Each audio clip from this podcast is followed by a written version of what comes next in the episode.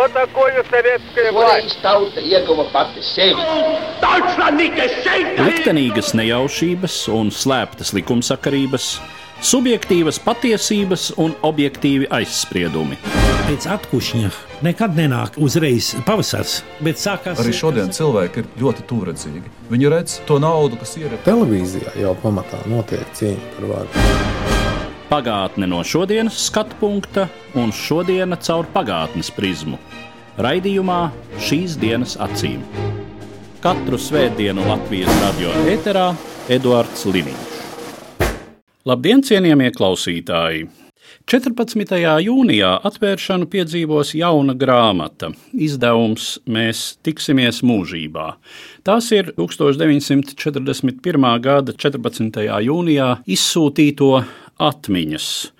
Kā zināms, kopš šī skumjā datuma šogad aprit 80. gadsimta. Mana sarunbiedra studijā ir grāmatas sastādītāja, Latvijas okupācijas muzeja galvenā krājuma glabātāja Taiga Kokneviča. Labdien! Labdien! Ja mēs runājam par atmiņām, kas ir šīs grāmatas saturs, kāda vieta ir cilvēku atmiņām vēstures izpētes procesā vispār, un šīs konkrētās deportāciju, staļinisma, represiju tēmas izpētē. Atmiņām noteikti ir neatņemama vieta tautas vēsturiskajā atmiņā. Gribu atgādināt par to, kā sākās atmoda.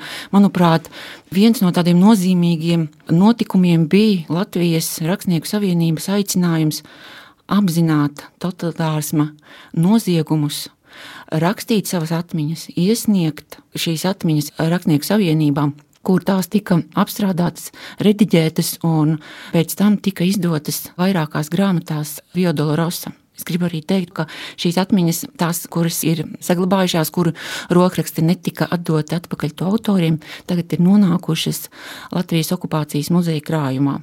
Bez atmiņām droši vien, ka vispār nemaz nav izprotams tas, kā cilvēki jutās šajā represiju virpulī. Un skatoties sausus dokumentus, skatoties rehabilitācijas apliecības vai izziņas par cilvēkiem, kuri ir bijuši represēti, tie ir tikai sausi fakti.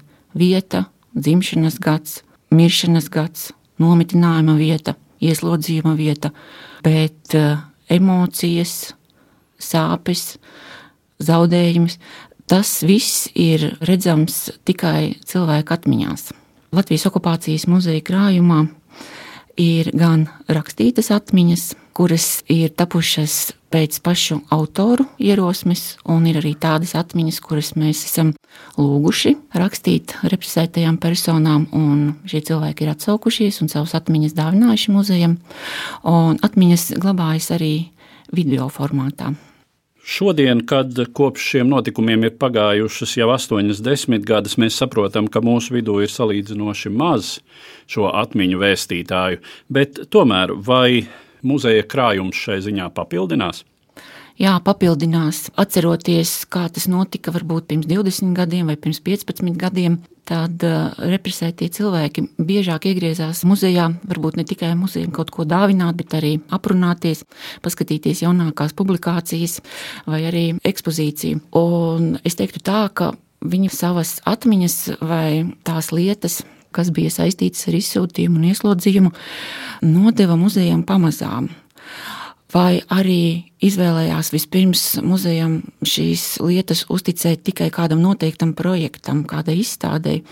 Un tad, kad izstāde bija beigusies, teiksim, pēc pusgada, pēc gada, pieņēma lēmumu priekšmetu atdāvināt muzeja krājumam pavisam.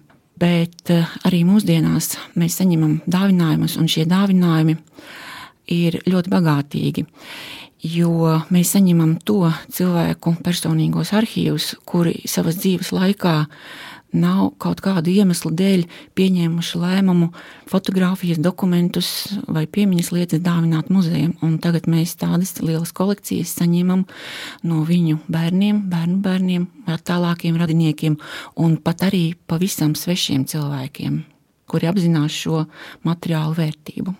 Šajā izdevumā ir publicēts tas šobrīd zināmo izsūtīto skaits, un tie ir 15,400 443, bet kas arī ir minēts krājuma ievadā, ko vēsturnieks Dambīšs kungs atzīmē, ka šis arī joprojām ir aptuvens skaitlis vai neprecīzs skaitlis, jo pilnīgas drošības par to, ka mēs esam varējuši apzināt visus 1941. gada jūnijā izsūtītos, nav pilnas pārliecības, ka mums ir visas krimināla lietas, respektīvi, diezgan skaidrs, ka nav visu kriminālu lietu Latvijā.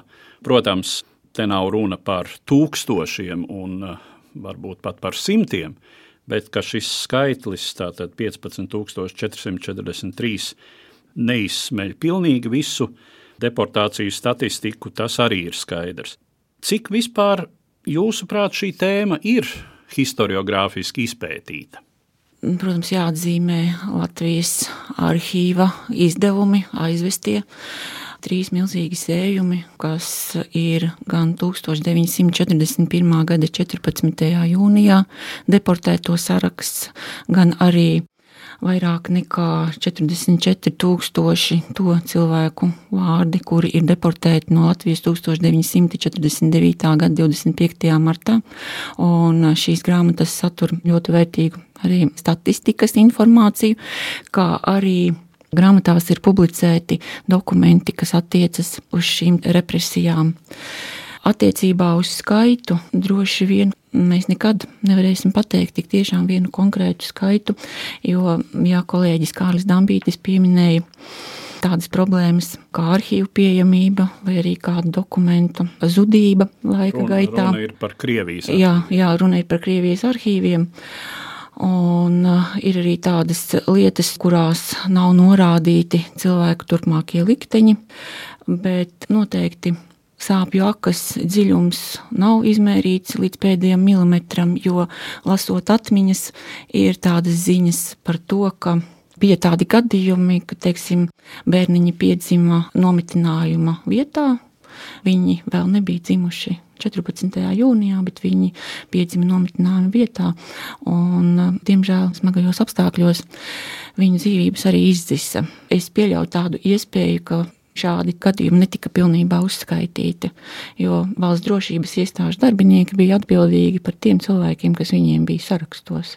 Un nāvis pļauja bija tik bagātīga, ka mēs jau to redzam arī pēc dokumentiem, ka valsts iestāžu drošības darbinieki nespēja pat visu piefiksēt.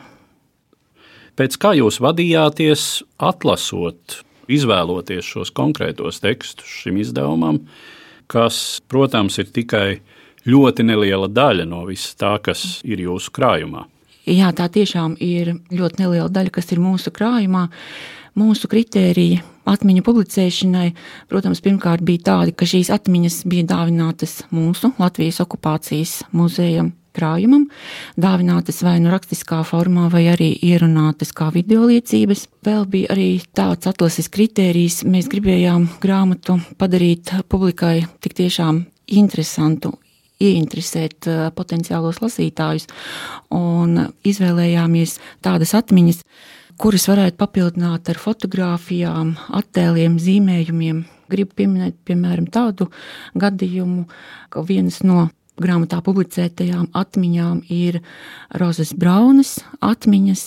Viņa tika deportēta kopā ar divus mēnešus veco dēlu Sergeju, Un lūk, šo mazo puisīti vagonā, bērnu ratiņos, ir uzzīmējusi slavenā grāmatu izdevēja Jāņa Rozes meita Aina Roze, jo izrādās, ka viņi, tātad gan Braunu ģimene, gan Rožu ģimene, bija vienā vagonā, numur 19, kurš tika šeit izsūtīts projām no Rīgas.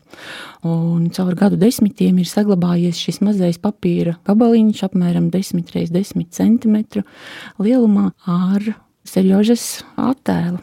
Faktiski tā bija Latvijas valsts politiskā un saimnieciskā elite, tie, kuri vēl nebija cietuši pirmā padomju gada represijās. Gribu citēt Hildas Staklas atmiņas, kad viņiem 14. jūnija naktī atnāk pakaļ. Viņa tieši to piemin savā atmiņā, ka viņi jau ir pieraduši, ka ir pazuduši cilvēki arī no viņu paziņu loka, ka ir apcietināti nevainīgi cilvēki, aizvesti nezināmā virzienā, un ka ģimenē ir bijis tāds pieļāvums, jā, ka tas var notikt arī ar mūsu ģimeni. Turpinājumā fragments no grāmatā Mēs tiksimies mūžībā iekļautajām izsūtītā Oļega Vijuma atmiņām Sarkanā pūķa gūstā. Izsūtīšanas brīdī Oļegs Vijums bija desmit gadus vecs. Viņa tēvu Pēteri Vijumu ieslodzīja nometnē, kur 1942. gadā notiesāja uz nāvi par dalību aizsargu organizācijā un nošāva. Oļegam un viņa mātei Annai Vijumai izdevās izdzīvot un atgriezties Latvijā. Mani uzmodināja skaļš troksnis, daudzījās pie mūsu ārdurvīm. Pamodās arī vecāki, tēvs gāja skatīties, kas par naksnīgiem viesiem ieradušies pie mums. Es izrausos no savas gultiņas un pie guļamistabas durvīm vēroju notiekošo.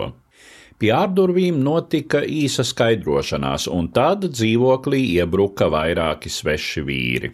Viens krievu zaldāts palika stāvot pie ārdurvīm, viesistabā ienāk divi viens krievu formā ar zilu cepures virsmu, otrs privātās drēbēs. Krievs parokas somā un izvelk papīru, ko sniedz tēvam. Papīrs ir orderis, kas paredz mūsu dzīvoklī kratīšanu un mūsu visu izvešanu uz valsts attālākiem rajoniem. Nelīdz tēva apgalvojums, ka Oma nav mūsu ģimenes locekle, ir veca un slima, bet zilcepuris ir nelokāms. Arī Oma ir sarakstā un jābrauc ir visiem. Nodomāju, cik labi, ka braucam kopā. Nespēju iedomāties, ka Oma paliktu viena un es bez viņas. Kamēr krievs skaidrojās ar tēvu, tikmēr otrs vīrs griež māju kājām gaisā. Rokas pa tēva rakstām galdu, vāc kaut kādus papīrus savā apjomīgajā portfelī, čekists piebiedrojas savam biedram, un tad tā kratīšana iet vaļā. Svešinieki rokas pa skapiem, krīt uz grīdas tēva formas tērpi, aizripo skaistā virsnieku cepure, Pa drēbēm lāčo kājām, un tad pienāk kārta grāmatu skapim, grāmatas, tāpat kā drēbes, saguļ uz grīdas, kas traucē tās pasper ar kāju. Es nevaru atraut skatu no notiekošā. Man žēl skatīties, ka bradā pa drēbēm un mūsu skaistajām grāmatām. Kur tie lamzaki ir dzīvojuši, ka neciena grāmatas un citu iedzīvi?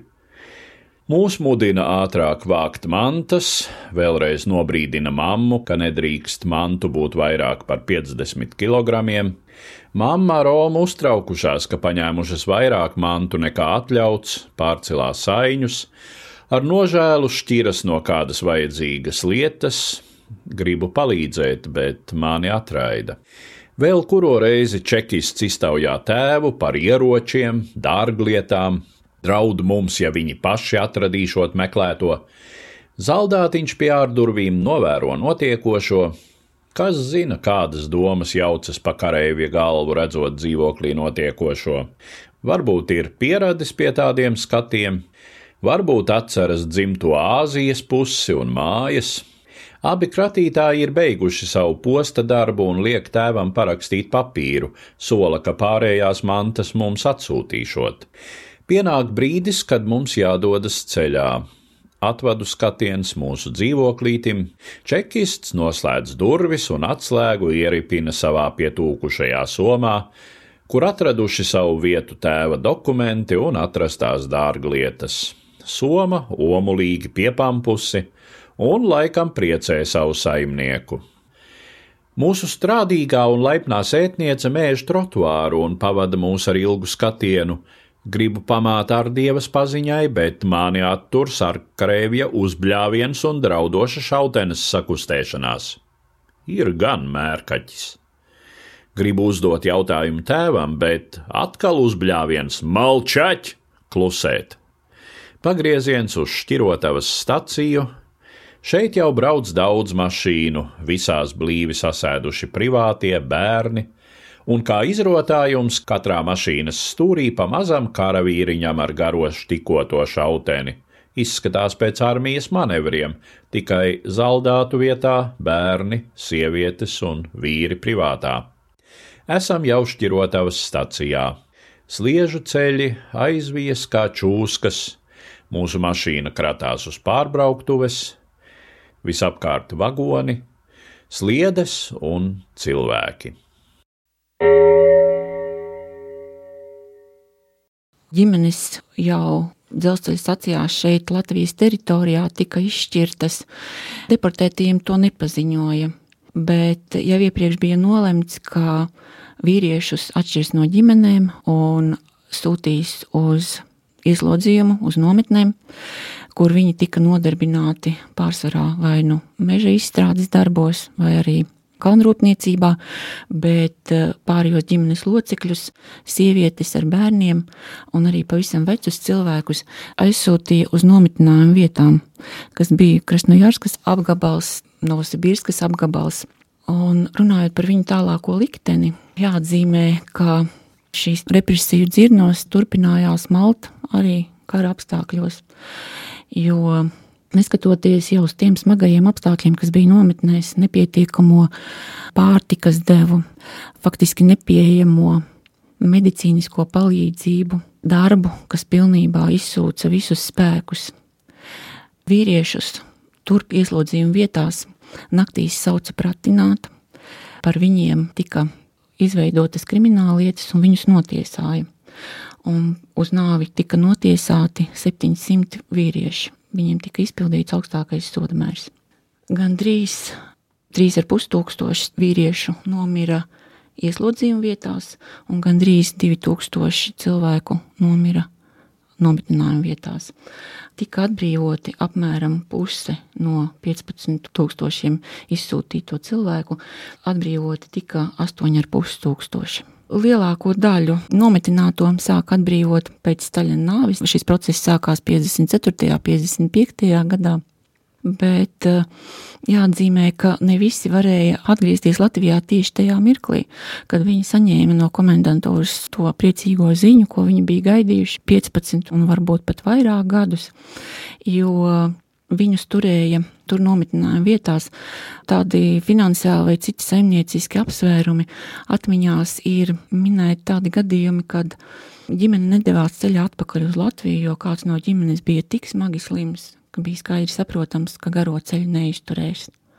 Bija gadījumi, kad um, cilvēki atgriezās Latvijā, bet uh, bija grūti viņiem kaut arī atbrīvotiem, bet tomēr bija grūti kā represētiem sameklēt darbu un sameklēt dzīves vietu, un viņi izvēlējās atgriezties atpakaļ bijušajās ieslodzījuma vai nometnājuma vietās, kur viņus novērtēja kā labus, uzticamus strādniekus, kur viņus godāja, jo faktiski tā bija, ka latvieši ar savu darba mīlestību kļuva iemīļoti vietējo cilvēku vidū, kas tā nebūtu nebija no sākuma.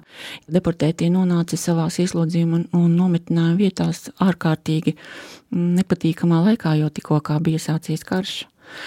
Latviešus asociēja ar fašistiem, ar vāciešiem, un situācija bija tāda, ka nometnējuma vietās vīrieši jau bija iesaukti mobilizēti armijā, atradās frontē, ļoti iespējams, ka kāds jau bija burtiski kritis pirmajās kara dienās.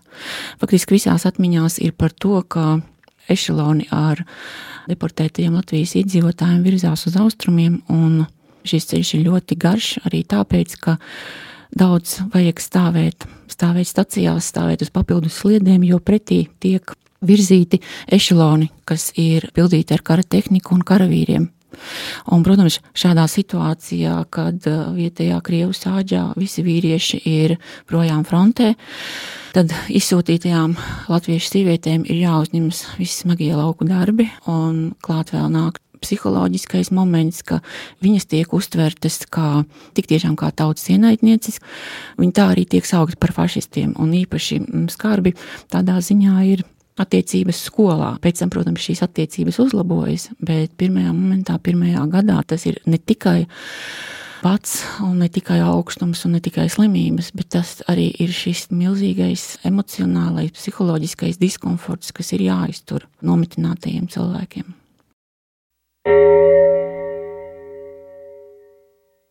Haraldu Āronieti izsūtīja kopā ar auģu vecākiem Paulīni un Pēteri Āroniešiem. Viņam tobrīd bija 16. Haralds ar māti nonāca Novosibirskas apgabalā. Tēvu ieslodzīja nometnē, kur viņš 1942. gadā mīra. 1944. gadā, neizturējusi izsūtījuma apstākļus, mira arī Haralda māte. Turpinājumā fragments no Haralda Āronieša autobiogrāfiskā vēstījuma Atmiņas, sapņi un laiks.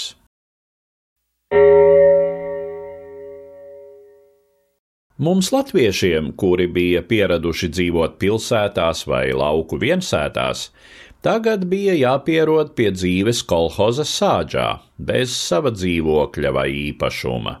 Katram kā laimējās vai pagadījās. Latvijas laukos māja dzīvnieki ziemā atradās kūtīs, bet kolhoziņā plāmja liesma. Bullis cauru ziemu klīda pa ieliņām, barodamies pie kolhoznieku siena kaudzēm. Viņš, protams, veica arī savus cilts darbus.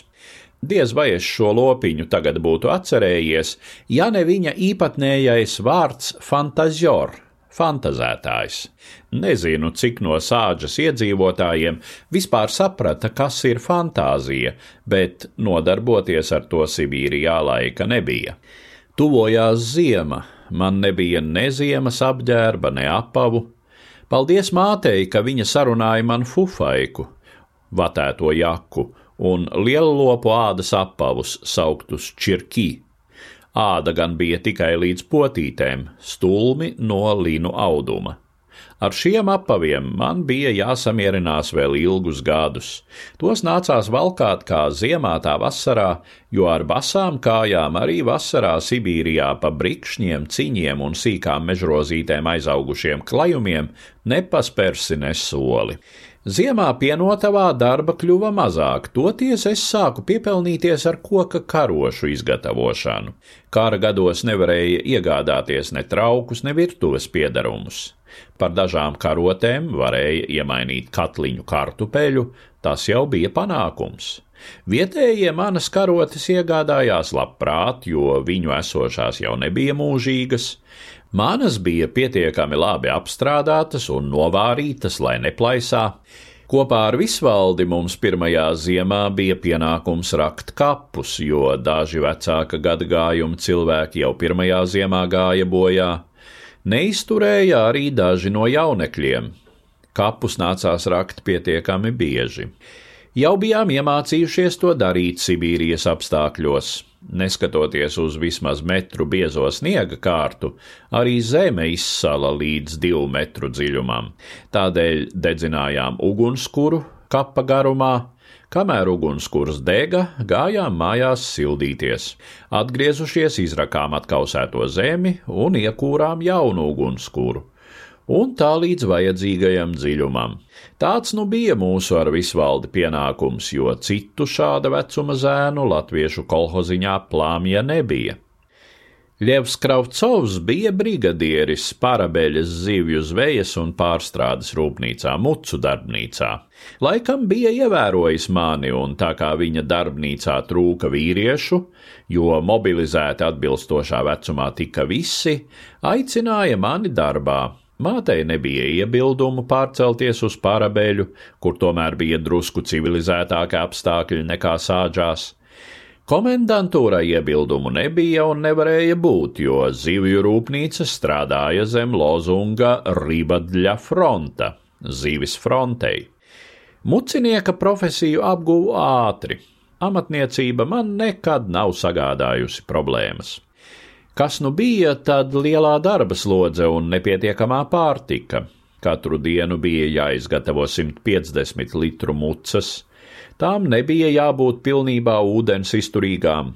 Rūpnīcas veikalos, tādi bija divi, mums izsniedza 800 gramu maizes dienā, 800 gramu sviesta un cukura mēnesī. Parabeļā kopskaitā bija kādi seši pārtikas veikaliņi, kuros izņemot uz kartītēm izsniedzamo maizi, cukuru un sviestu, cita nekā nebija. Reizi pāris nedēļās kāds no veikaliņiem tika apzakts. Neatceros nevienu gadījumu, kad zaglis tiktu noķerts. Maize tika apēsta un pierādījumi vējā. Arī Kravcovam bija līdzīgs plāns šķiet 1942.-43. gada ziemā. Viņš prata pierunāt arī mani apzakt veikaliņu numur 3. Bija nolemts sargu, tēvoci mišu, iespundēt sarga būdā, paņemt maisu miltu, maisu cukura, kasti sviesta. Tajā dienā, kad vajadzēja nostrādāt mūsu nākamās nakts plānam, ierodoties darbā, uzzinājām, ka veikaliņš numur 3 jau apzakts. Tā mūsu afēra pajuka. Tuvinot mūsu sarunu noslēgumam, jūsuprāt, cik pilnīga, cik adekvāta ir šo notikumu uztvere šodienas Latvijas sabiedrībā?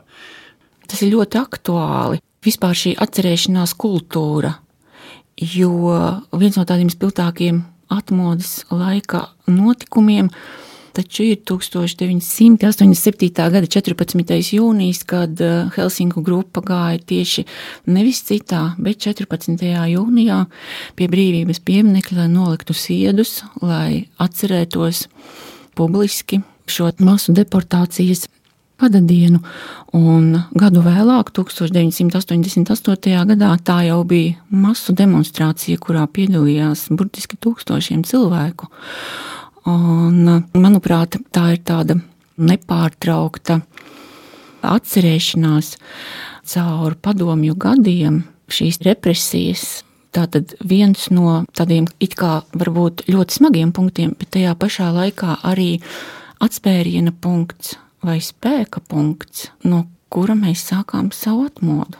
Un, ja mēs runājam par kaut ko tādu kā šo deportāciju revizionisms, ja mēs to tā varam nosaukt, respektīvi mēģinājumus notušēt šo deportāciju nozīmi, vai savukārt tad mēģinājumi akcentēt to, ka paši latvieši bija tie, kuri savus līdzpilsoņus izsūtīja, nu, respektīvi ļoti aktīvi piedalījās procesā un tā tālāk. Attiecībā uz deportācijām es teiktu, ka es personīgi neesmu saskārusies ar kādiem cilvēkiem, kuri apstrīdētu to faktu, ka deportācijas ir nosiegums pret cilvēci. Jāatgādina, ka visi šie cilvēki 14. jūnijā, tāpat arī 25. martā tika vienkārši sagrābti Viņiem netika uzrādītas apsūdzības, aresta brīdī viņi tika aizrauti projām no savām mājām, no savas zemes. Vara ir izvēlējušies šīs ģimenes pēc kaut kādiem kritērijiem, vai pat preventīvi šīs ģimenes tiek uzskatīts par tādām, kuras varētu nepieņemt padomju varu. Un, manuprāt, tagad pēc tik daudz gadu desmitiem, vismaz es neesmu satikusi nevienu tādu cilvēku šeit Latvijā, kurš būtu apstrīdējis to, ka deportācijas ir noziegums. Un tam nav nekāda attaisnojuma.